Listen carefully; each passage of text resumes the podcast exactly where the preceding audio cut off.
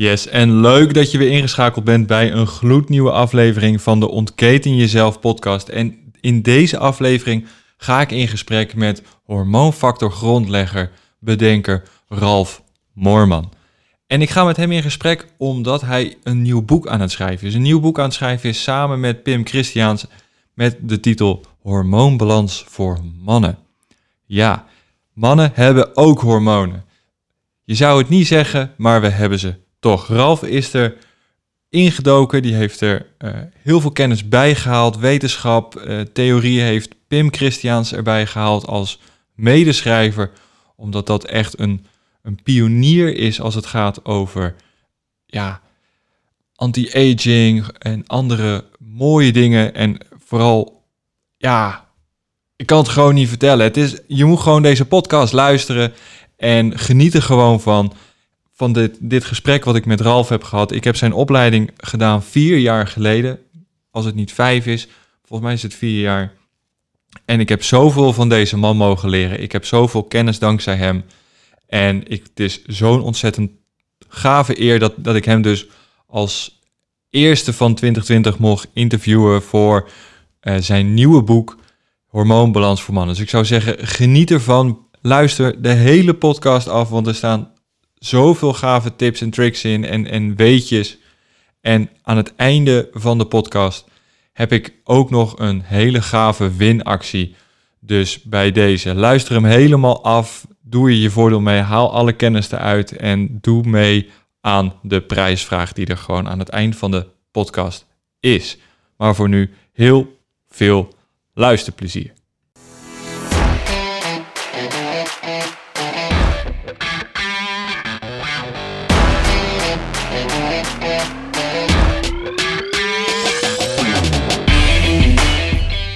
Welkom en super tof dat je luistert naar de Ontketen Jezelf podcast. De plek waar ik in gesprek ga met inspirerende mensen over onderwerpen die jou kunnen helpen te leven vanuit je maximale potentie. Ik ga op zoek naar antwoorden hoe jij je leven kan optimaliseren en ik laat mij leiden door de nieuwsgierigheid en de wil om te groeien als persoon. Als ortomoleculair therapeut, personal trainer en keuzecoach help ik dagelijks mensen om te investeren in zichzelf voor meer persoonlijke groei, gezondheid en succes. In deze podcast neem ik je mee op weg zodat jij de keuze kan maken voor jouw leven. Ik gun jou dan ook jouw ultieme vrijheid.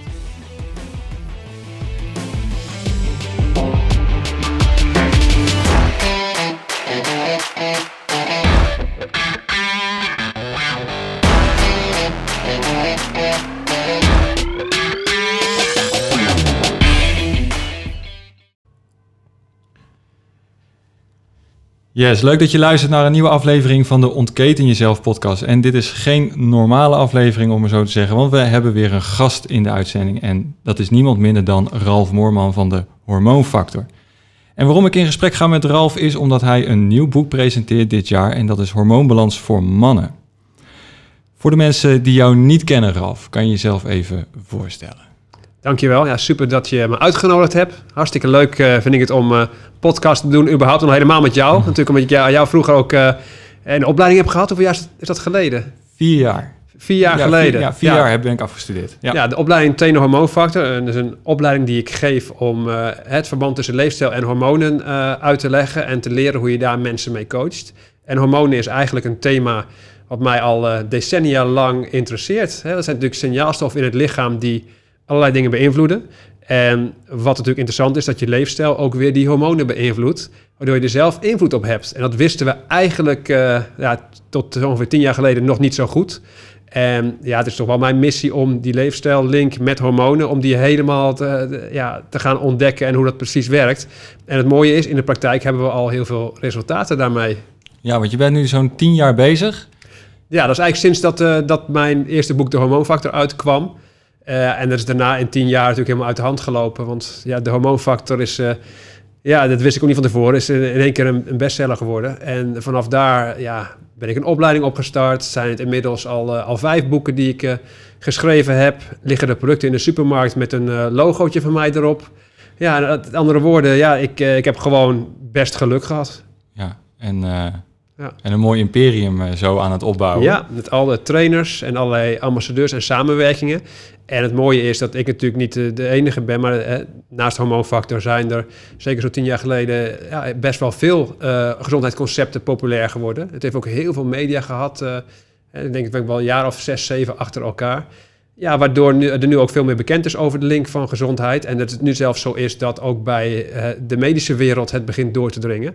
En dat er leefstijlcoaches komen en, en noem maar op. Dus in feite, ja, ik zie de medische wereld veranderen. Ik zie de, de supermarkt ook steeds meer gezonde alternatieven bieden. Er ligt nog steeds een rotzooi aan de ene kant, Ja. maar er komen veel gezonde alternatieven bij. Voor de mensen die het anders willen.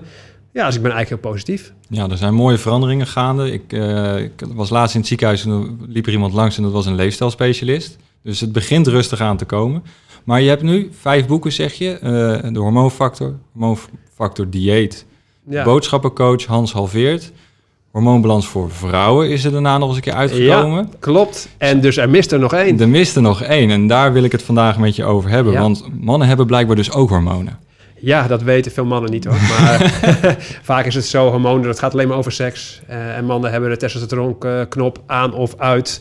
Maar goed, wij eh, hebben ook een heel hormonaal systeem waar van alles mis kan gaan. Alleen ja, heel vaak weten we niet dat hormonen ergens invloed op hebben. En in dat boek wat ik, eh, waar ik nu al bijna mee klaar ben... eh, ja, hebben we het echt wel over 30 mannenklachten die echt met hormonen te maken hebben. 30 stuks. Ja, 30. En da- daar stond ik ook van te kijken. En, en het leuke is, op, aan de ene kant hebben mannen het er nooit, nooit eh, over. Tenminste, wat is mijn ervaring. Het is een stuk minder dan dat vrouwen erover praten. Maar ze googelen er wel op. En als je ziet waar ze op googelen, nou, nou, nou, nou. Maar waar googelen ze dan op?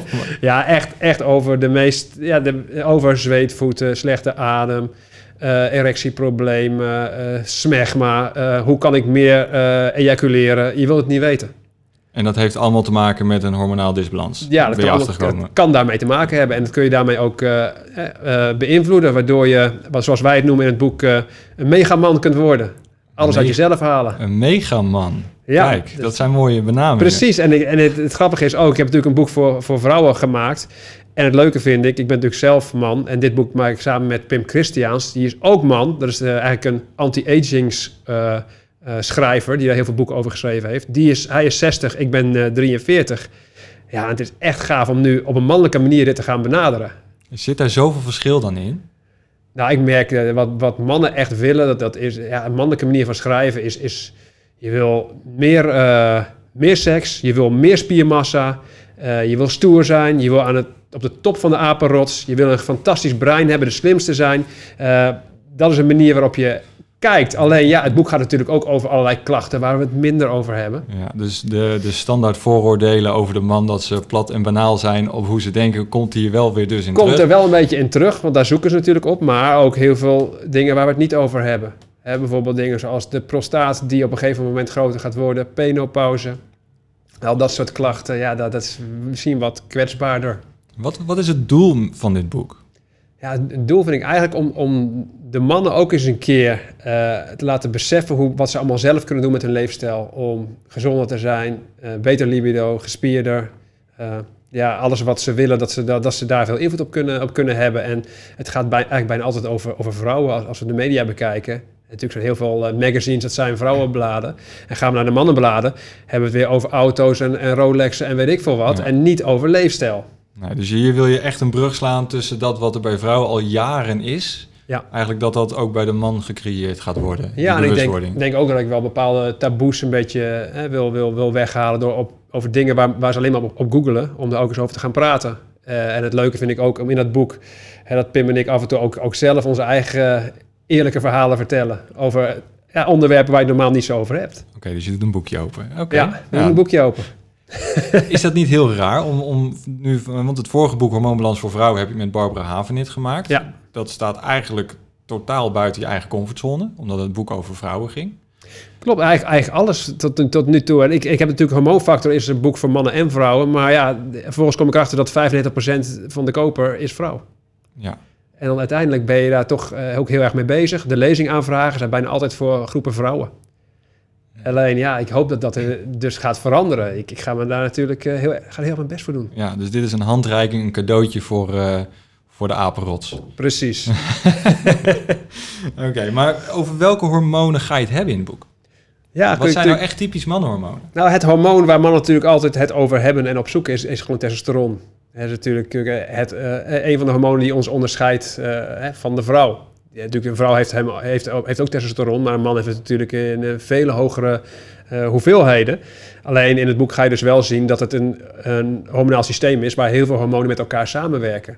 Hè, zo testosteron op zich is niet zo interessant, maar wat is je testosteron ten opzichte van oestrogeen bijvoorbeeld? Hè? Dat Het je dan vrouwelijk hormoon. ja, dat je het eh, mannelijk-vrouwelijk gaat vergelijken. Of testosteron is een spieropbouwend hormoon, maar we hebben ook spierafbrekende hormonen, zoals bijvoorbeeld cortisol. Ja, en hoe is die verhouding? En je gaat nu veel meer kijken naar dat, eh, dat hele muziekstuk met al die instrumenten en, en hormonen, eh, om die uiteindelijk mooi te laten spelen. Maar kijk, ik kan de vraag nu stellen, ik weet het antwoord.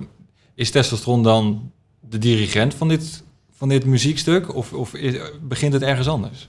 Nee, dit is echt wel een, eh, een hersenvraagstuk. Daar begint het natuurlijk mee bij de, de- daar zit echt de dirigent, de hypothalamus. We hebben de hypofyse, dat is de eerste viool. En vanaf daar worden allerlei hormonale systemen worden, worden dus eh, aangestuurd. Maar en- testosteron is dan niet de triangel, neem ik aan. Nee, dat is niet een triangel. Nee, nee zeker niet. Hè. Je merkt echt eh, dat, dat, dat eh, een man ook, ook heel veel beïnvloed wordt door testosteron. En het gaat niet alleen maar om spiermassa of libido. Het gaat ook over de functie in de hersenen. En mannen met laag testosteron kunnen er ook wat eh, depressief van raken. Ehm, maar ook, ik ga vooral laten zien ook dat het een spel is tussen meerdere hormonen. En zo wordt ook wel eens gezegd dat als je hoog testosteron hebt, dat je daar agressief van zou kunnen worden. Ja, dat is eigenlijk alleen maar zo wanneer er andere hormonen laag zijn, bijvoorbeeld. Je hebt ook allerlei hersenhormonen, serotonine, oxytocine. En daar ga je natuurlijk veel meer over leren. Dus zo is niet, niet iedere man die, ter, die eh, anabole kuren gebruikt, zal agressief zijn. Dat, dat, dat hangt van veel meer dingen af. Dat zit allemaal dus in dat, eh, in dat brein. Ja. Oké. ja, we hebben echt een, ook een heel groot hoofdstuk over eh, eh, het optimale brein. Ja, dat je daar ook dingen mee kunt doen. Was het voor jou eh, nieuw wat je leerde tijdens het schrijven? Of zat het er bij jou allemaal al in en heb je het alleen maar op papier hoeven zetten? Nee, ik heb, ik heb echt eh, nog wel flink moeten zoeken hoor. En eh, het leuke is, Pim is een journalist. En Pim die heeft ook meerdere mensen geïnterviewd. Hè, experts over, eh, hè, ook internationale experts op dit vlak. Om daar ook weer de nieuwste kennis vandaan te halen. Ik ben zelf net terug uit Las Vegas, een anti-aging conferentie. En daar heb ik ook verschillende experts gesproken weer. En wat ze daar ook heel erg doen, is het toedienen van hormonen of andere stoffen om bijvoorbeeld te verjongen. En op zich, de vraag is natuurlijk van, goh, wil ik dat zelf? Ik weet het eigenlijk niet eh, hoe ver ik daarachter sta. Want je, je dwingt het lichaam bepaalde dingen te doen. Alleen als ik die verhalen hoor, weet ik wel heel goed wat die hormonen doen. En ook wanneer je een tekort hebt, hoe je dat dan vervolgens ook weer ziet. Ja, dus is geen, je pretendeert niet dat het verstandig is om te doen, maar als je het doet, doe het onder volledige begeleiding. Precies. En, en dit is eigenlijk een beetje wat, wat daar natuurlijk op die conferenties speelt, is vooral ook pionieren. En ik hou best wel van pionieren hoor. En ik eh, ben ook blij, dat is grappig dat ik ook met, met Pim Christians ook wel eens over heb. Pim, Pim is 60, ik ben 43. Dus ik heb, eh, ja, als het een normale leeftijd zou bereiken die je zou kunnen halen, ja, dan heb ik 17 jaar voordeel met nieuwe kennis. Ja. Dan zegt hij, verdorie, ik, ik, ze moeten wel opschieten, zegt eh, Pim ook. Van, eh, ik wil ook die kennis tot me, Ja. me nemen. En het verschil tussen mij en Pim is dat Pim ook heel veel dingen geprobeerd is. Ook, heeft ook als journalist. Die heeft ook eh, testosteron toegediend op zichzelf, groeihormoonkuren en noem maar op. En daar kan hij ook heel leuk over vertellen wat dat doet. Ja, want hij is echt een, echt een anti-aging expert in Nederland. Ja, Ik heb een keer een lezing van hem mogen hebben bij een Leuk, van jouw hè? terugkomdagen. Ja, hij, heeft, hij heeft zoveel mensen ook geïnterviewd over deze onderwerpen. Dus dat is echt wel zijn, eh, zijn topic. En hij is ooit be- begonnen, hij is ooit hoofdredacteur van de Mensheld geweest. En vond ik zelf, eh, ja, dat waren waanzinnige menshelds ook zeker die hij kon maken. Want hij mocht echt heel veel ook zelf die nog eh, had invloed op de, op de inhoud. Ja, en vervolgens van daaruit merk, ik- merk ik dat hij op een gegeven moment steeds meer richting anti-aging ging. Gaaf. Ja, ik, vind het, ik blijf het een mooi onderwerp vinden, want ik, ik ben zelf 29, dus ik, ik heb helemaal nog eh, Ja, mooie man. tijd eh, Fantastisch. eh, voor me. En dus eh, ik, eh, ik lees dit boek ook, eh, ook graag. Eh, wanneer eh, is eigenlijk het idee dat die uit gaat komen? Is er al een beetje Ja, een datum? ik of, denk of dat het hou je dat geheim? Ik, ja, ik doen allemaal voorzichtig en rustig aan, want we willen het in één keer perfect doen. En ik heb zeg altijd, je moet het beest eerst stemmen voor je het uit zijn kooi laat. En het, ik verwacht zelf begin mei. Begin maar. Oké, nou, we Ja. gaan niks vastzetten. En ik hoop dat ik al, eh, al veel eerder de cover kan laten, laten zien. En dat ik mensen al een beetje eh, warm kan maken. Misschien een paar ehm polls eruit doen over bepaalde onderwerpen, hoe, hoe mensen daarover denken. Ja, en dan zit ik eh, een beetje te wachten tot hij eindelijk binnenkomt. De- dan is het helemaal spannend. Ben jij, dan ben je klaar en dan wacht je op de drukker. Hoe, Ja. lang, hoe lang zit daar, wat voor een proces zit daar aan Ja, vast? dat zit echt even- wel wat, wat langer. Het hangt er vanaf natuurlijk waar je het laat drukken. Alleen hè, wij, wij in feite zijn kleine spelers. Dus wij proberen ook natuurlijk de prijs van de druk. Drukkosten natuurlijk laag te houden. En dan, dan, ja, dan, dan moet je wachten tot het eh, uiteindelijk uit eh, een ander land terugkomt. Ja. Kijk, daarom zijn de boeken zo mooi. En het liefste doe je, maak je hem zo perfect dat je kunt zeggen van oké, we kunnen nu een flink aantal in één keer drukken. Daar moet echt geen fout meer in zitten. Dat is, dat is lullig hoor. Als er, als er Ja, fouten in zitten en je komt daarachter. En, en het is nooit helemaal te voorkomen, maar je probeert het zoveel mogelijk. Vandaar dat we ons niet eh, hebben laten opjagen. Oké, helemaal goed. Leuk, leuk. Ehm, ik, ik heb een beetje een, eh, een richting gekregen van wat er allemaal in komt te staan in dat boek. Ehm, ik, heb het, ik heb nog niks gezien, laat ik dat voorop zetten. Eh, maar we gaan het, ja, je gaat het niet alleen hebben over de hormonen zelf eh, en over klachten, maar ook over wat we kunnen gaan, gaan eten. Ja. Hè, als man zijnde wat nou krachtvoer is of wat we, hoe je daar dat balans in kan vinden. Ja, en als ik ook kijk met, met de boeken die ik die geschreven heb, die wat meer door vrouwen gelezen werden, heb ik natuurlijk heel veel voedingsverhalen geschreven. Maar ja, wat natuurlijk bij de megaman naar voren komt, is, eh, we hebben allemaal Pumping Iron gezien met Arnold Schwarzenegger. en, ja, en dat is toch wel een, een, een mooi beeld wat, wat mannen heel erg leuk vinden. En zeker wanneer ze naar een gym gaan. Eh, toch hoe kun je dat, dat, ja, de, dat gebeeldhouwde fysiek krijgen. Hè? En dat gaat natuurlijk eh, over spiermassa en over vetpercentage en dat soort dingen. Ja, maar er komt ook een ander geluid, een vegetarisch-vegan geluid. The Game Mhm. Changers staat op, eh, staat op Netflix. Ik heb, hem, ik heb hem gezien. Ik weet jij ook. Ja. Waar zie jij dan de balans tussen die twee? Want Iron, Man, Iron House is wel echt een hele andere kant Ja. dan. eh, Ja, maar je gaat vooral laten zien dat er veel wegen naar Rome zijn. Hè. Dat is natuurlijk heel erg belangrijk. En het oude verhaal van je moet maar, eh, weet ik veel, hoeveel biefstukken achter elkaar eten en dat soort dingen. Dat is natuurlijk niet de enige weg. Het gaat erom, eiwitten kunnen uit allerlei bronnen komen. Maar je moet er wel goed zicht gaan krijgen op de manier van trainen... waardoor je je spiervezels blijft prikkelen tot groei. Want ja, er zit natuurlijk adaptatie in. En, en, en eh, als je het schema een bepaalde tijd doet, dan is ook eh, het resultaat weg. En vervolgens moeten natuurlijk je spieren ook wel kunnen groeien... door voldo- voldoende herstel en voldoende voeding. En die voeding, daar zijn heel veel wegen naar Rome... Ehm, en het lastige thema waar we het natuurlijk uitgebreid over hebben, is het thema dat je aan de ene kant heel gespierd wil worden, maar ook die sixpack wil hebben. En dat bijt elkaar een beetje. Want, Leg uit, want heel veel mannen gaan Ja. waarschijnlijk nu op een, op een puntje van hun stoel zitten. ja, dat is heel lastig. Want ja, aan de ene kant, als jij zeker wil zijn dat je voldoende eet om je spieren te laten groeien, is de kans ook aanwezig dat je vet gaat aanzetten. En als je vet kwijt wil raken, dan is de kans ook groot dat als je net te veel calorieën snijdt, dat je je spiermassa weer wat kwijt gaat raken. En, en daar wil je uiteindelijk op een slimme manier na- naartoe werken. De ouderwetse methode die vroeger gebruikt was, was eh, in bulkfase gaan. Gewoon alles eten wat je tegenkomt. Spiermassa kweken en dan aftrainen naar een wedstrijd of naar de zomer toe. Ja, maar in het aftrainen verlies je ook weer zoveel spiermassa dat, je, dat het ook niet weer niet de weg is. En ook als je zo wisselt in eet, eh, eetgedrag, kun je ook eh, tijdens de bulkfase echt moe voelen vanwege al die rotzooi die je eet. of tijdens het aftrainen dat zo streng moet dat je je ook weer je testosteron instort en weet ik veel wat. Nu is het meer van je streeft, streeft naar een, eh, een goed eh, gemiddeld fysiek. Die je ook als je ergens eh, een foto shoot zou willen hebben of weet ik veel wat. Of op strand wil verschijnen. Dat je daar ook heel snel binnen een paar weken naartoe kunt werken. Naar die optimale shape. Dat staat in het boek. Ja. Je gaat hier gewoon de, de gouden regel Zeker. gewoon geven. Ja, en ook natuurlijk manieren van tra- training. Hoe, kun je, hoe, hoeveel kom je nou dat je lichaam ergens aan gewend raakt? Want ja, er zijn zoveel mensen die eigenlijk al jaren stilstaan en hetzelfde schema blijven doen. En dat is wel een grote uitdaging in de gym hoor. Als je eenmaal iets gewend bent, en dat is niet alleen de gym trouwens, dat is ook bij wat je eet en noem maar op. Ja, gewoonte, Ja, dat is het makkelijkste. Je blijft het dichtste bij wat je altijd doet. En eh, dat gebe- gebeurt natuurlijk ook eh, in een gym. En ja, dan, hebben we, dan houden we misschien de spiermassa eh, constant als je geluk hebt. Maar meestal ga je daar ook spiermassa door verliezen op een duur. Ja, want die prikkel is gewoon, gewoon weg. Dus Is je, gaat, weg. dus je gaat de gouden graal geven over hoe we, hoe we als man kunnen groeien en goed kunnen eten. Ja, en natuurlijk ook reëel eh, vertellen van... Goh, wat is nou eh, jouw ideale fysiek? Ehm, ben jij een persoon die bijvoorbeeld relatief veel vet op zijn buik vasthoudt? Ja, dan heb ik het erover. Ik ben eh, 40 plus. Als ik naar die sixpack toe ga... Ik heb een relatief abdominale vetverdeling. Dus relatief op veel op de buik. Dus ik moet waarschijnlijk naar 9 à 8 procent afvallen. En mijn gezicht kan dat niet zo goed meer hebben. Terwijl een ander, terwijl een ander die, die kan op 12% al een sixpack hebben. En dan denk je van, goh, is de, wat is nou het idee? Kies je voor je gezicht of kies je nou voor je, hè, voor je sixpack? In mijn geval probeer ik net even de lijnen te laten zien eh, op, op de buik.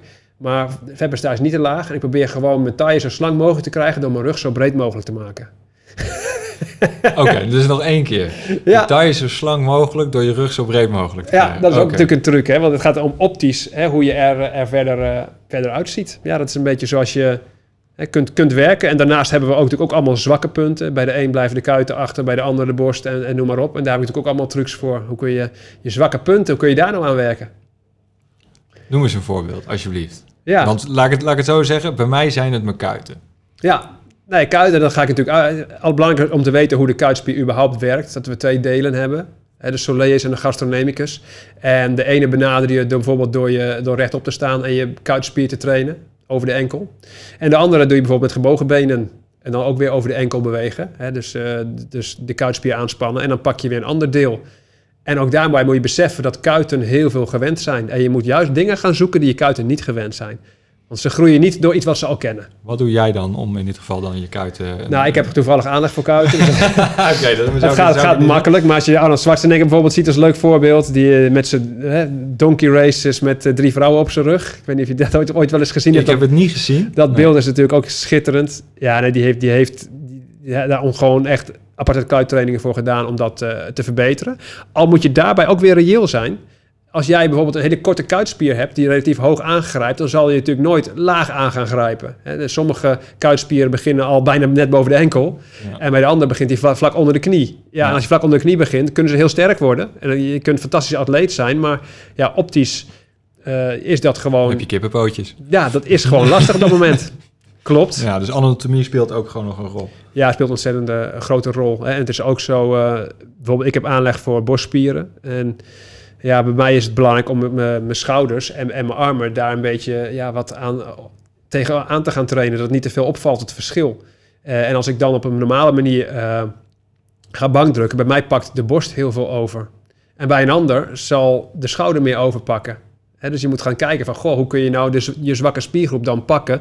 terwijl je de andere eh, niet te veel belast. Want anders dan, krijg je nooit meer die balans erin. Ja. Ja, ik ben er zelf ook mee aan het stoeien met, hè, met mijn anatomie van eh, de schouder uitschakelen in dit geval. Hè, Ja. Het voorbeeld van hoe positioneer je hem nou om die borst zo maximaal mogelijk te trekken. Absoluut. En meestal wat je doet is, ik wil, wil laten zien dat ik zoveel mogelijk kan tillen. En dan laat je dat ding stuiteren op je borst en meestal ook laag op je borst. En je zult ook beseffen, en zeker de, de trucs van, eh, van de ba- bankdrukkers, dat ze met de kont loskomen van, eh, van, van de bank. Waarmee je eigenlijk de bewegingsbaan steeds korter maakt. Ja. Terwijl ook het, zeker hoe kort je die bewegingsbaan maakt, hoe meer je op je schouders zult gaan leunen. Terwijl als je bijvoorbeeld dat gewicht laat zakken naar je sleutelbeen, dan is de rek op je borst veel groter en dan pak je veel meer borst. Want die borst moet natuurlijk zo ver mogelijk oprekken en vervolgens moet die spier korter worden. En dat doe je juist in dat eerste stuk van, van die beweging. En dat wordt ook heel vaak overgeslagen. Alleen dan moet je ook weer beseffen, als je je borst ver oprekt, dan is, is het blessuregevoeliger. Ja, dus je moet dan weer lager in je gewicht. Ja, dus eigenlijk en- zeg en- je, een en- echte man traint met laffe gewichten. Die traint slim. en en die, die, die laat zich niet leiden door ego met gewichten, want dan Ja. kan zijn resultaat achterblijven. Oké, dus slim trainen, lage gewichten, maar wel maximale contractie in de spier. Dat zeg je eigenlijk. Precies, en, en, en vooral eh, trainen en, eh, wa- wat bij jouw lichaam pa- eh, past. Je moet je lichaam echt leren kennen. Waar jouw sterke en zwakke punten liggen. En zo uiteindelijk naar die eh, Michelangelo eh, fysiek toe kunt werken. Ja, is dat, is dat nee, even persoonlijke vraag. Is dat jouw beeld in de sportschool? Dat je jezelf aan het uithouden bent? Ja, wel een beetje. Dat was, was het vroeger meer dan nu moet ik zeggen. Ik heb ook wel eens op een eh, natural bodybuild eh, podium gestaan. Dat was, eh, Hoe lang geleden? ja, dat is nou, al, al, al, al 13, 14 jaar geleden denk ik. Zijn er nog foto's van te zien? Ja, er zijn er wel een paar foto's van. Ik heb wel een keer, keer iets gedeeld inderdaad online. En wat ik toen merkte is dat ik dat eigenlijk veel te snel heb willen doen. Ik heb ook veel te streng gedieet eh, om dat vetpercentage voor elkaar te krijgen. En daarbij in het proces echt veel spiermassa verloren. En dat ging bizar snel. Ik weet nog dat ik op acht weken voor de wedstrijd... Dus denk zo, mooie pomp erin, opgeblazen spieren, goed volume. En dat ik daarna eh, ook het advies geef... ja, er moet nog echt iets vet af. Dan ben ik meer gaan cardioen. En dan heb ik zoveel spiermassa afgebroken. Ik nou... Ongelooflijk, ik zat echt met, met 75 kilo toen op het podium. Terwijl ik, ja, eh, zoveel week of zes daarvoor was ik nog echt eh 83, 84 kilo. Dus ik ben, ik ben zo af gaan trainen. Ik ben heel veel spiermassa toen, eh, toen verloren. Ik heb ook, eh, ik wist ook, mijn libido was helemaal weg. Het was, mijn hormonaal was ik Van echt slag, van van slag. slag. En ik denk nu van als natural had het heel anders gemoeten. En heel veel schema's die je ziet in, naar zo'n wedstrijd toe, dat zijn mensen die gebruiken anabole steroïden. Ja, als die heel erg kattenbol gaan leven en weinig gaan eten, ja, die hebben daar een anabool tegenover staan, wat ze toedienen. En die eh, gaan hun spiermassa niet afbreken. En dat is natuurlijk een groot verschil Ja. met een natural. En een natural, ja, die heeft het gewoon een stuk eh, moeilijker, die moet een stuk slimmer zijn. Ja, dus dan is het niet alleen je voeding. Eh, Denk je dan ook aan eventuele suppletie, eiwitshakes, eh vitaminepreparaten extra toevoegen? Of Ja, zeg je van, je kan het echt alleen ook uit je voeding halen? Je kan het in principe ook uit je voeding halen, hoor, moet ik zeggen. Ik heb vroeger toen wel een, af en toe gewerkt met, met wei-eiwit. Eh wei-eiwitten worden er toch wel wat extra voordelen nog op aan toegeschreven. Ook hormonaal, zo'n eh, bepaalde groeifactor invloed invloed hebben. Maar goed, het is echt bijzaak. Hè. De meeste mensen die ik merk van die, die bijvoorbeeld hun resultaat niet halen, die geen spiergroei krijgen, die hebben of een schema, een trainingsschema waar ze eigenlijk te veel aan gewend zijn, of ze gaan gewoon niet zwaar genoeg. Hè, veel mensen die halen net hun overload niet. Dat is zonde. Of mensen die trainen te veel en herstellen niet genoeg. Dat heb je natuurlijk. Ja, en daarnaast in voeding gaat het vooral om eet je genoeg. Is je caloriebalans goe- goed? Want als je te weinig, te weinig calorieën eet, kun je ook geen spieren bouwen. En als je te veel calorieën eet, ja, dan gaan we weer vet aanzetten. Hè? Ja. En daar moet je de balans tussen vinden. En qua herstel zie ik ook dat, eh, dat veel mannen ehm, alleen letten op qua tijdsduur van herstel. Terwijl ze bijvoorbeeld een gigantisch drukke baan hebben of andere stress te verduren. Die moet je ook meetellen. Alleen het wordt vaak vergeten. Dus ik, dit, dit is ook voor mij een mooie, ook nieuw. Dus je zegt, hoe drukker je baan ook is, hoe langer de herstelfase is voor je, voor je spieren. Ondanks Ja. dat het mentaal en letterlijk fysiek redelijk ver uit elkaar ligt. Klopt, en als we dat natuurlijk hormonaal bekijken ook, dan is eh, natuurlijk cortisol is actiever. Dat is eigenlijk het afbraakhormoon. Die speelt daar gewoon, ja natuurlijk, Ja. hè, cortisol is het stresshormoon, die, die speelt op. En vanuit daaruit is het herstel in die spier. Ja, dat is ook, ook wat langer. En herstel wordt niet gedaan door cortisol. Herstel wordt gedaan door de anabole hormonen. Hè. Testosteron, groeihormoon. eh insuline helpt ook nog een beetje mee natuurlijk. Eh, ja, en, en, en die balans moet uiteindelijk goed zijn in, in het leven. En, en, en vergeet ook je slaap niet. Nee. Natuurlijk cruciaal. Zijn, zijn dat ook onderwerpen die je meeneemt? Slaap? Ja, tuurlijk. Dat, is, dat hoort bij basis eh, leefregels natuurlijk. Dat, dat eh, kun je niet vergeten. Want dat is ook een van de belangrijkste hormonen, natuurlijk het groeihormoon, wat daar eh, vrijkomt. Ja, en melatonine natuurlijk daarnaast nog. En dat zorgt natuurlijk ook voor mentale herstel. Als je dat niet voldoende hebt, dan ga je langzaam allerlei dingen ja, opbouwen. En bij de mannenklachten hebben we ook best wel wat mentale klachten staan. Hè. Depressie is natuurlijk een belangrijk eh, thema, ook in deze tijd bij, bij de man. Er spelen ook weer hormonen mee. Dus een man die gelukkig door het leven gaat, is eh, een man die hormonaal de dingen erkent. Mhm. Laat ik het dan zo, hè, om het op die manier te noemen. Maar er ook naar eet en naar leeft. Ja. En hoe ziet nou voor je, hè, wat, wat doe jij dan zo op de dag? Om, nee, je bent, jij bent de hormoonexpert van Nederland, kunnen we wel zeggen. Mhm. Wat doe jij dan op de dag om het voor jou hè, in de balans te houden en alles te optimaliseren? Ja, en eh, als we het over hormonen hebben, hè, vaak wordt mij gevraagd van wat is nou een, spe- een tip die je kunt geven? Hoe kijk ik nou een hoog testosteron? Ja, in feite ga je dan toch weer vanuit helikopterview kijken op een hele leefstijl. We hebben thema's, we hebben voeding, training, stress, mentaal. Op al die thema's eh, eh, wil je het gemiddeld zo goed mogelijk doen. En je gaat natuurlijk aan het begin kijken van welke thema's speelt voor jou het meest. Kijk, ik heb een voedingspatroon, Homofactor Proof, ook uitgewerkt in de boeken. Dat eh, is voor mij niet echt een issue. En dat doe ik al heel veel jaren. Daar ben ik onbewust bekwaam in. Heeft voor mij niet zoveel aandacht. Eh, in de gym moet ik mezelf echt wel uitdagen. Daarom zorg ik dat ook dat ik eh, met mensen samen train die mij uitdagen. Eh, ja, ik ben zelf natuurlijk personal trainer. Zo word ik ook ingehuurd als iemand die ervoor zorgt dat het schema aangepast blijft worden en dat je uitgedaagd blijft worden. En daar heb ik ook zelf mensen voor nodig. En dat doe ik met trainingsmaten die ik, eh, ja, die net iets, liefst die net iets sterker zijn dan ik. Dat vind ik altijd eigenlijk, dat is altijd eh, voor mij wel een, eh, een goede manier. Zij vinden het leuk om, om mij dan, eh, eh, oh Ralf Moorman, ik kan, eh, kan drie herhalingen meer dan hij, haha. Dat vinden ze leuk, maar goed, ik word daardoor ook weer, weer beter als klein mannetje. en daarnaast, eh, ja, natuurlijk voldoende slaap, dat eh, is eh, normaal nooit een thema. Was even een thema van- vanwege mijn jetlag eh, die net geweest is. Gelukkig voorbij is. Las Vegas is ook een Las. Vegas jetlag. Ja, ehm, dus die slaap, dat is voor mij ook niet zo'n zo'n issue. Mentaal is voor mij degene waar ik het meest kan winnen. Hè, wat belangrijke thema's zijn in mentaal is dat ik mezelf blijf uitdagen. Ehm, dat ik ook blijf bijleren. Merk ik ook. Hè? Want natuurlijk op een gegeven moment ga je heel veel les geven. En het kan zijn dat je op een gegeven moment dezelfde plaat gaat afspelen. En hè, bijvoorbeeld naar Las Vegas te gaan en zelf in de les te zitten, zorgt ervoor dat ik dat ook weer ga vernieuwen, dat ik zelf bijleer, dat het mij gemotiveerd houdt. houdt. En ja, wat voor mij ook erg uh, belangrijk is, is dat ik voldoende besef dat wat ik doe uh, voldoende zin heeft, hè, zingeving in het leven. Dat is natuurlijk uh, echt voor mij een, soort levensbron. En als ik, dat niet voel, dan merk je gewoon dan, als we ook over het thema depressie en dat soort dingen hebben, als het zingeving wegvalt, dat is gewoon ja, dat is heel slecht voor alles, voor, voor, voor je hele systeem. Oké, dus de gouden tip eigenlijk voor nu om te kijken waar zit je meeste winst. Schrijf alles op wat je doet, waar je, waar je pluspunten, waar je minpunten zitten. Ja. Vanuit daaruit ga je, ga je aan de gang. Okay. Ja, precies. En, en wat ik ook belangrijk vind daarnaast nog is de, de, de ja, leuke mensen om je heen verzamelen. En ook nieuwe mensen weer leren kennen. Waardoor je ook geïnspireerd blijft. Uh, dat voelende contact is natuurlijk ook uh, belangrijk. Een, een ander thema waar ik nou wel erg... Ik heb uh, die, die, toch over die jetlag hebben. Ben ik echt... Ik kwam terug uit Las Vegas met heel veel prikkels. ik kom terug in de kersttijd dan in één keer donkere dagen hier, noem maar op. Dat gaf me best wel een soort van ja, moody gevoel. En van, hé, hey, tegen het ja, licht depressief aan. Dat je denkt van, goh, wat heeft het allemaal voor zin in het leven, dit en dat. Best gevoelig voor prikkels op dat moment. Ben ik eigenlijk nooit. Dus ik herkende mezelf helemaal niet terug. Vervolgens ging ik even op Twitter. En toen kwamen er pushberichten berichten vanuit de media. En allemaal dingen die mij ja, op dat moment gevoeliger binnenkomen. Ik denk van waarom in vredesnaam laat ik al dit soort negativiteit vanuit media bij me binnenkomen? Want, eh, waar je niks aan kunt over, over jou of in zijn nee, algemeenheid? in de algemeenheid. He, want de media, wat natuurlijk het leuke is als je een podcast doet... je wil het liefst uh, ook positieve verhalen vertellen. Dat doet media natuurlijk nooit. Media wil chockeren, bang maken, ruzie veroorzaken, noem maar op. He, dat is eigenlijk wat media doet. En als, de, toen voelde ik van jeetje, normaal heb ik geen last van... maar dit zijn toch behoorlijk prikkels voor mensen.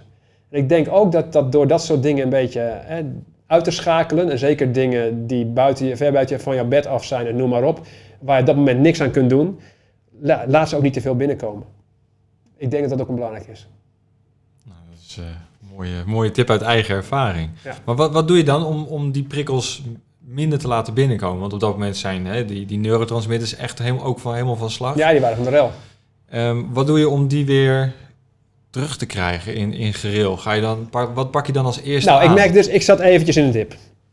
Er is voor mij maar één manier. Ik wil iedere dag daglicht zien en ik wil iedere dag buiten bewegen. Dus ik ben de ene dag gaan hardlopen, de andere dag gaan, uh, gaan mountainbiken. En dat uh, was voor mij de manier. Proberen, uh, als je overdag daglicht ziet, en zeker met jetlag, gaat je slaap natuurlijk ook weer, weer beter. Ja, en nou, zo, zo, ging het eigenlijk relatief snel over. Maar als je dan vervolgens in het donker blijft zitten de hele dag en, je gaat dat niet doen. Ja, en, je laat jezelf beïnvloeden door allerlei, door jouw schermpje de hele dag voor je neus met al die rare berichten.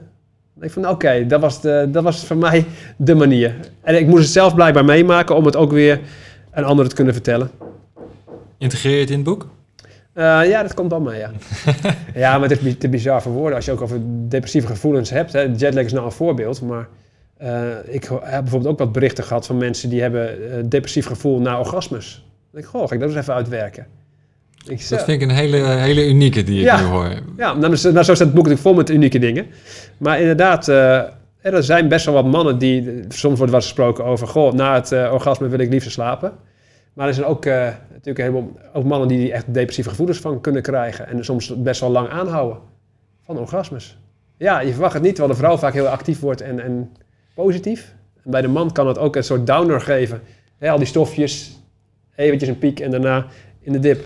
als we dit op beeld zouden hebben, dan zou je een hele grote grijns op mijn gezicht zien. Want ik, ik, ik, nou wil ik weten hoe dat komt. Dus ja, precies.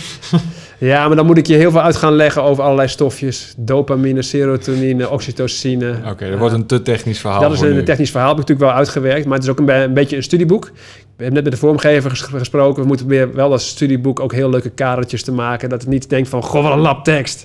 nee, dus er staat veel in. Maar ik hoop dat het op een laagdrempelige manier dus uh, tot je genomen kan worden.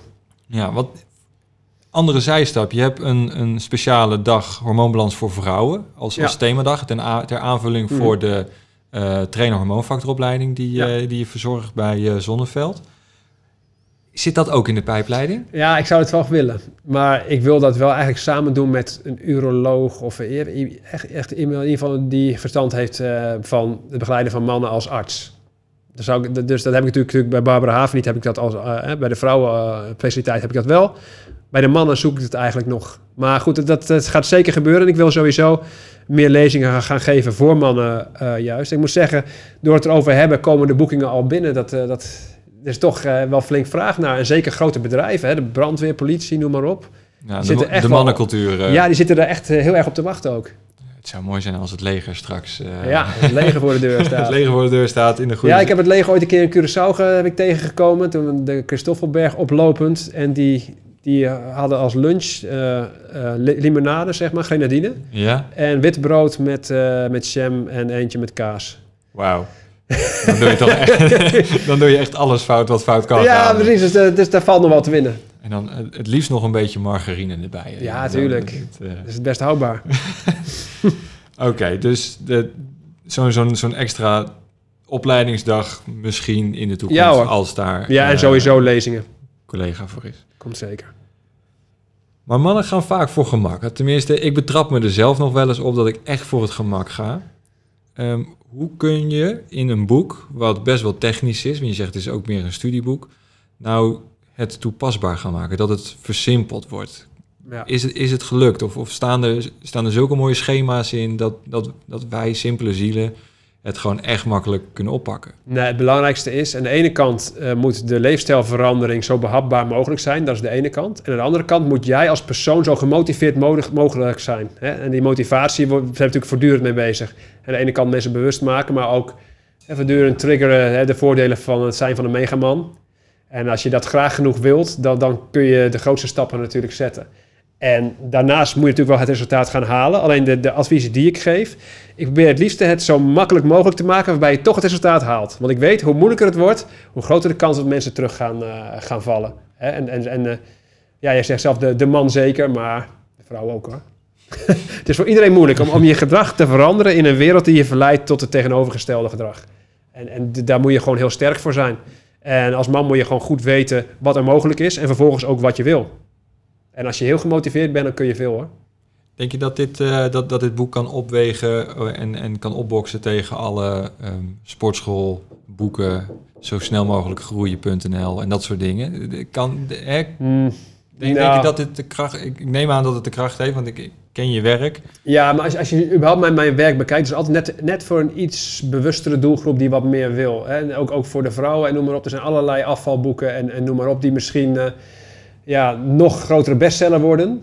Ehm, alleen ik kies toch net even voor de persoon die meer wil. Hè? Die niet alleen eh, de buitenkant wil, ook de binnenkant. Die hè, naast het ideale lichaam ook het perfecte brein wil hebben, het perfecte libido, eh, noem maar op. eh, en heel, gewoon alles uit het leven willen halen. Hè? En, en dat is natuurlijk niet, meestal niet de groep die alleen voor die sixpack gaat. Dat is niet, ik wil alles uit het leven halen. Nee, ik wil die sixpack. En onderlicht een thema wat natuurlijk ontzettend belangrijk is, is zeker bij jonge doelgroep, is seks. Ja, dat zeggen we dan vaak niet, maar ja, dat ligt onder bijna alles. Ook onder misschien wel de keuze voor die ene stoere sportauto. Dat uiteindelijk het leidt tot seks. Ja, je zit uit je raam te kijken, je, je ziet vanaf hier jouw Ik zie al- Mercedes. ja, klopt. jouw, jouw mooie, ja, maar die, maar die valt wel mee hoor. Dan zie je al lang als je even op Marktplaats kijkt van dat ding is nog niet eens 10.000 euro waard. Dus, eh, Nee, maar het, het, het, het is een stoere bolide. Dus de, Ja, ik, klopt. ik zag, Nee, ik zag even je aandacht eh, af, eh, afdwalen. dat, eh, ja. Ja. En ook het huis hier. Hè. Ik, ben, bij jou thuis nu voor het opnemen. Echt onwijs mooi. Eh, dus ik heb nu ook het aquarium voor me. Het welbekende aquarium. het aquarium, ja. Dat, ehm, maar jouw huis staat ook vol met oude auto's. Ja, er staan Dat, eh, ook Amerikaanse auto's. Die zou een Amerikaanse auto hebben. En het is dus een, natuurlijk ook weer een thema nu met... met eh, hè, dat wordt natuurlijk allemaal, gaat over klimaat, klimaat, klimaat in de media. Nou ja, goed, daar kun je ook heel veel discussies over, over voeren. Maar ik ben blij dat ik mijn auto nog mag rijden. dat ik mijn parkeervergunning nog, nog heb, heb. Maar in de toekomst... eh, nou ja, mochten we helemaal elektrisch of, eh, of waterstofauto's te gaan, bouw alsjeblieft een Amerikaan om tot een elektrische auto of een waterstofauto. Want ik vind een nieuwe auto's er gewoon niet uitzien. Nou, dus voor de jonge techneuten, tekenaars die zeggen van ik heb nog een businessplan nodig. Hier wordt die gratis weggegeven. Ja, kom maar op. En eh, je hebt in ieder geval één koper. Ja. Oké, ehm, ja, Ralf. Ik wil eigenlijk afsluiten met, eh, met, met een vraag. Eh, het, het heet de Ontketen Jezelf podcast. Eh, mijn vraag is dus, wat betekent ontketen jezelf voor jou? Ja, mijzelf ontketenen. ja, betekent ja, ontketenen moet ik wat voor ketting heb ik allemaal om? Het, het, het, stikt natuurlijk van de ketenen. Hè? Jezelf ontketenen, uh, de business uh, talks waar je over hebt, waarschijnlijk over geld gaan. Nou ja, dat is voor mij ook wel iets. Ik heb natuurlijk ook producten in de supermarkt. ik werk daarmee met, met royalty constructies. dat is voor mij ook een manier om die keten in ieder geval wat losser te laten hangen. Want geld blijft toch iets, iets waar voor heel veel mensen uh, lastig is. Uh, je kunt natuurlijk, je kunt je inkomen vergroten, maar aan de andere kant kun je ook je lasten verlagen. En ja, dat is natuurlijk ook een, eh, een thema waar je wat mee kunt. Dus ja, maar die keten voor mij die is al wat losser gaan hangen. Dus wel weer, wel weer fijn. Um, de keten van ja, hoe de maatschappij je ziet en vervolgens dat je een keurslijf gaat lopen. Nou, ik heb, je ziet, nou, ik heb nou een behoorlijke mat in mijn nek hangen. Je ziet, het kan me steeds minder schelen hoe anderen over me denken. Ja, maar dat was toch voor Las Vegas? Ja, dat was voor Las Vegas, maar hangt er eigenlijk nog steeds. Dus uh, ja, dus de, dat zijn, is weer een keten die ik, uh, die ik afgooi. Um, een keten die maar voor kom, mij... Komt dat met de jaren? Kom. Ja, ja hoor. Ik denk al hoe jonger je bent, hoe meer je in groepsdruk, groepsdruk ervaart. Als je ouder wordt, wordt het zeker, zeker minder. Dus het heeft ook heel veel voordelen. Dat, maar is het alleen de leeftijd? Is het alleen de leeftijd of is er ook nog iets anders gaande? Is, is, komt dat ook weer vanuit het hormoonstuk? Terug? Nou, dat komt ook omdat je, nee, maar ik denk ook omdat je een bepaald eh, bedrijf hebt dat je al jarenlang zelf dingen kunt eh, beslissen en, en doen. En dat je niet zeg maar eh, een soort slaaf bent van een bedrijf. Dus dat geeft je al meer vrijheid. Dan ga je ook steeds meer je eigen dingen doen en jezelf zijn. Dat vind ik wel het voordeel. Ondernemen is echt niet makkelijk. Het is keihard werken. Maar als het op een gegeven moment eh, gaat lukken, dan, dan kan het leven er wel heel leuk door worden. Um, daarnaast denk ik een keten, het ontketenen waar ik natuurlijk al tien jaar mee bezig ben, ben is het eh, ontketenen van, uh, van ouderwetse wetenschap. Want wat natuurlijk op mijn universiteit is natuurlijk mij van alles geleerd. wat nou wetenschap is en wanneer je iets kunt bewijzen en claimen. En dat was binnen de voedingswetenschap. Um, ja, ligt daar eigenlijk een verouderde visie daarop want vroeger, we, keken vooral, wat was nou belangrijk in Wageningen? Dat was, de gezondheid, dat komt door stofjes. En dan ging je met een rekenapparaat, ging je je voeding ging je doorrekenen. Zitten er voldoende stoffen in van dit en voldoende stoffen van dat? En als dat zo was, had je een gezonde voeding. Nou, ik ben er nu dus achter gekomen dat, uh, dat voeding niet alleen belangrijk is wat je eet, maar ook wat je verteert, verdraagt, kunt opnemen, kunt uitscheiden. En daar zijn we allemaal anders in. Dus we krijgen nu meer een visie naar personalized nutrition. En je merkt dat er ontzettend veel verstorende factoren zijn in het leven van een mens. Die uiteindelijk uh, je wetenschap ondermijnen. dus de persoon die bepaalde voedingspatronen heeft, je moet ook weten hoeveel stress ervaart hij. Ligt hij in een scheiding, dit, dat, dat. Er zijn zoveel variabelen. En als je dan gaat kijken hoeveel variabelen er zijn, wordt het heel moeilijk om daar wetenschap op los te laten. Dus hoe lees jij dan nu wetenschappelijke artikelen? Nou, ik, ik, uh, kijk, er, echt, ik kijk echt uh, ja, er toch een beetje met een korreltje, ik neem het toch met een korreltje zout. ik haal daar logische verbanden uit. Ik ga kijken naar hè, wat, wat is voor mij rationeel. Uh, en daarnaast ga ik het uittesten in de praktijk. Werkt het of werkt het niet? Dus de praktijkervaring is ook heel belangrijk. je het zelf uit allemaal? Ja, ik heb er wel heel veel uitgetest in het verleden hoor. ook veel fouten gemaakt, moet ik, uh, moet ik ook wel zeggen. Um, alleen het leuke is, ik zie nu heel veel mensen het ook allemaal dingen uittesten. En dingen die ik vroeger uitgetest heb, die nou populair worden. Dat vind ik wel erg uh, Noem eens grappig. Een. Bijvoorbeeld, Noem, eens een. bijvoorbeeld op een gegeven moment, je, gaat, je, je probeert op een gegeven moment iedere keer één variabele aan te wijzen. En op een gegeven moment had ik door van... hé, hey, als ik nou minder koolhydraten eet, voel ik me net iets fitter. En ik hou minder vocht vast. Goh, ik zie meteen op de weegschaal. Nou, dan ga ik meteen extreem koolhydraat schrappen. En dat zie je nou, ketogeen is populair, laag koolhydraat. Ze gaan er echt heel ver in, in door. En later ben ik er dan achter gekomen dat... waarom voelde ik me nou fitter? Omdat ik blijkbaar glutensensitief ben. En als je koolhydraten gaat schrappen, dan, dan ga je ook je gluten drastisch verminderen. En daar voelde ik me beter door dus ik had toen die conclusie getrokken. Het ligt allemaal aan die koolhydraten. Ja, en nu probeer je, je probeert iedere keer één variabele groot te maken. Ehm, dat zie je nu weer met, uh, met dierlijk of plantaardig eten. Dat kun je helemaal niet zeggen, joh. Als je dierlijk, een, een plantaardig en vegan patroon vergelijkt met een hamburgerdieet, ja, dan zie je echt wel verschillen. Die onderzoeken hebben we. Maar of jij nou een vegan dieet vergelijkt met mediterraan dieet of paleo daar zijn geen onderzoeken van, dat kun je absoluut niet bewijzen. Alleen we willen nu weer een bewijs vinden op één variabele. En dat gaat nooit werken. Er zijn namelijk zoveel uh, factoren die meespelen. Daarnaast zijn we allemaal anders. En dat maakt uh, wetenschap heel erg moeilijk. En dus ik denk zelf dat de voedingswetenschap uh, op de schop kan en opnieuw opgebouwd kan worden vanaf scratch. Hè, hoe gaan we er tegen? scratch af aan zelfs. Ja, zijn harde woorden. harde woorden. Ja, maar goed, het is, eh, er zijn ook steeds meer mensen die het ook beamen hoor. Dus eh, er is verandering. Maar ik hoor je zeggen dat het hè, vegan ten opzichte van hè, paleo of, of gewoon een normale eh, Nederlandse dieet, daar kan je niet echt wat uithalen. Het gaat echt sec over die, die, kleine, die kleine stoffen die we eigenlijk niet zien. Mhm. Maar hoe, zit je, hoe kijk je dan tegen het, het vegan eten aan? Want het, het is een grote hype. Eh, Ja. Heel veel mensen hebben er heel veel baat bij. Wat, wat zie jij op de lange termijn daarin dan veranderen of misschien wel fout Ja. gaan? Nou goed, ik denk zelf, heel veel mensen hebben, er, mensen hebben er baat bij. Ze hebben baat bij een leefstijlverandering die van een bepaald voedingspatroon afkomt. En, en dat zou kunnen zijn naar vegan, waar ze zich beter door voelen. Maar dat zullen ze zich waarschijnlijk ook voelen op een mediterraan dieet of een paleo. Alleen vegan, wat ik vooral belangrijk vind, is de. ik snap heel goed de diervriendelijkheid eh, en duurzaamheid. Dat zijn dingen. Ja, het is gewoon duidelijk, duidelijk dat je daar wat kunt winnen. Dus dat is hartstikke mooi.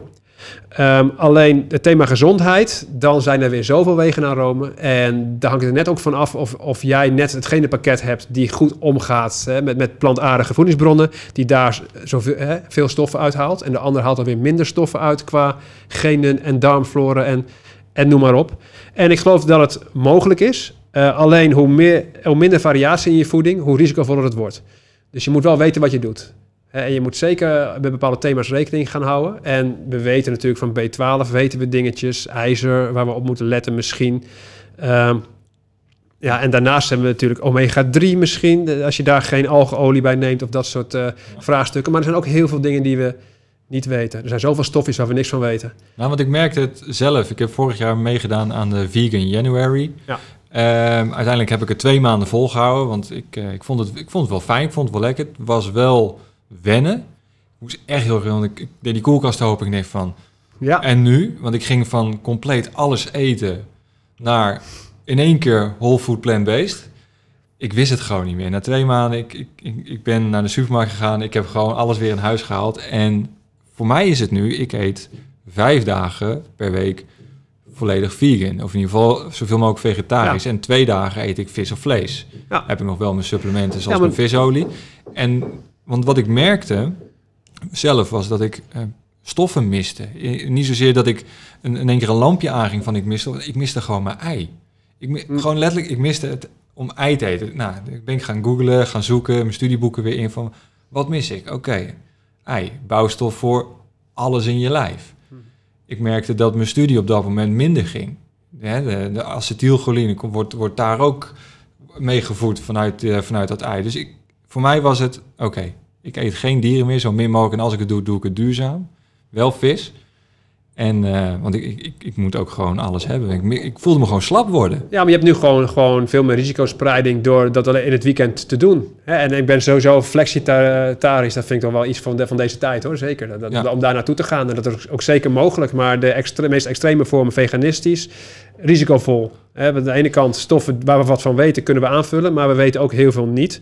En daarnaast zal het ook niet voor ieder persoon geschikt zijn. Dus je blijft jezelf goed meten en mo- monitoren of het nog wel zo goed gaat.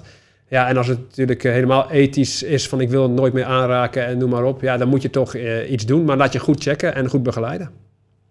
Hoe kan je het, de laatste vraag hoor, maar hoe, hoe kan je het nou goed monitoren voor jezelf? Want het, het gaat heel geleidelijk dat je jezelf minder goed gaat voelen.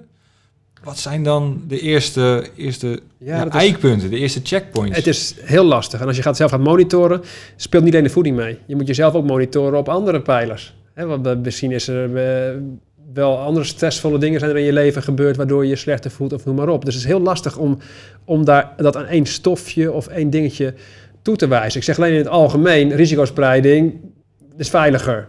Dus het zou kunnen komen door jouw voedingspatroon dat dit gebeurt. En het is ook zo, als jij een tekort hebt in je voedingspatroon... dat merk je soms na jaren pas.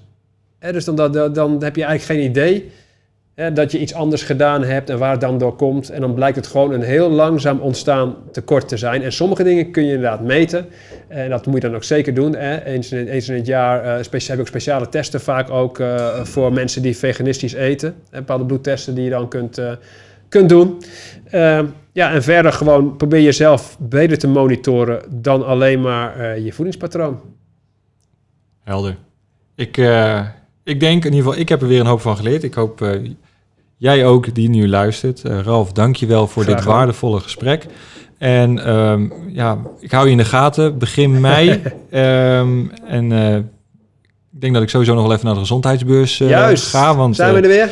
Kijk. ik, ik, ben er Ik ben zelf er dit, ik ben er dit jaar zelf niet van de partij. Want ik zit... Oké, Ik ben dan skiën. Ik kom zondag, dus kom ik nog wel even buurten. kijk. Ehm, Gezellig. maar ja, inderdaad, de gezondheidsbeurs, daar sta je ook weer. En Ja. Hoeveel lezingen geef je? Gewoon weer iedere dag. Iedere In dag. het gezondheidstheater gaan we er weer tegenaan. Fantastisch. Nou, ik zou zeggen, koop je kaartje en eh, luister naar eh, deze hormoonspecialist. Eh dankjewel voor het luisteren en eh, tot de volgende. Tot de volgende. Yes, je hebt kunnen luisteren naar het gesprek wat ik heb gehad met Ralf Moorman over zijn komend boek Hormoonbalans voor mannen. En hoe gaaf is het? We worden gewoon erkend nu. Erkend in de zin van, ja, niet dat vrouwen alleen hormonen hebben, maar wij ook. En wij kunnen dus ook als man zijn de klachten krijgen als die signaalstoffen uit balans zijn. En ja, het is dus niet, het, het is gewoon niet cool als man om erover te praten. En, voor, en dit boek is gewoon een handreiking naar, naar alle mannen van, luister, praat erover. Het is niet gek, het is niet vreemd. Het is iets natuurlijks en je kan er dus heel makkelijk wat aan doen. Door zelf je leefstijl aan te pakken. Door te gaan trainen, krachtvoer te eten, je mindset te verbeteren. Hé, daar is dit boek voor. Je kan ook hulp inschakelen bij een van de hormoonfactor trainers. Dat kan bij mij, dat kan bij andere collega's. Het, zorg ervoor dat als je klachten hebt en je hebt er echt problemen mee, zoek iemand op die je kan helpen. Want het gaat erom dat je ervan afgaat, dat je je gezondste leven kan gaan leven. En het is niet ingewikkeld. Hè? Het is vaak zo dat we denken dat het allemaal abracadabra is. Maar als je het terugslaat naar de basis, dan kan je het gewoon heel makkelijk ombouwen naar toepasbare magie. En dat is ook hetgeen wat ik, wat ik wil voor je. Als jij denkt van dat het heel moeilijk is en dat je in die hele hocus pocus gewoon de weg kwijtraakt, laat mij dan het er voor jou voor zorgen dat het een toepasbaar iets wordt voor je. Nou, dus het boek komt ongeveer 1 mei uit. Ik, eh, ik kijk er naar uit. Zelf ook, want ik ga het boek zeker lezen. En eh, ondanks dat ik de opleiding gedaan heb van hem, denk ik dat ik nog eh, weer hele nieuwe dingen erbij kan pakken die in dit boek staan. En wat ik, ook heb tegen, wat ik ook heb gezegd is dat ik een winactie heb in het begin. Een winactie. En dat houdt in dat als je de podcast een review geeft, dat kan op Apple Podcast, dat kan op mijn website. En je liked mijn socials. eh, het zit op Instagram, Facebook en LinkedIn. Kijk maar wat je wil. Op elk account deel ik wat anders. Ehm, volg de podcast, kan natuurlijk ook gewoon. Dan heb je, heb je die eh, altijd bij de hand. Dan mag ik twee boeken verloten. Twee, twee boeken weg gaan geven. En dat is het basisboek Hormoonfactor. Zodat ja, je de toepasbare kennis hebt wat het programma gewoon in zijn algemeenheid inhoudt. En ik mag het boek verloten Hormoonbalans voor mannen wat uit gaat komen. Dus waarschijnlijk begin mei. Dus nogmaals, volg mij op de socials, geef de podcast een review. En 24 januari in de podcast maak ik dan de winnaar bekend. En dan zou ik zeggen voor nu, maak er wat moois van van vandaag. En ik zou zeggen, fijne dag. Doei doei!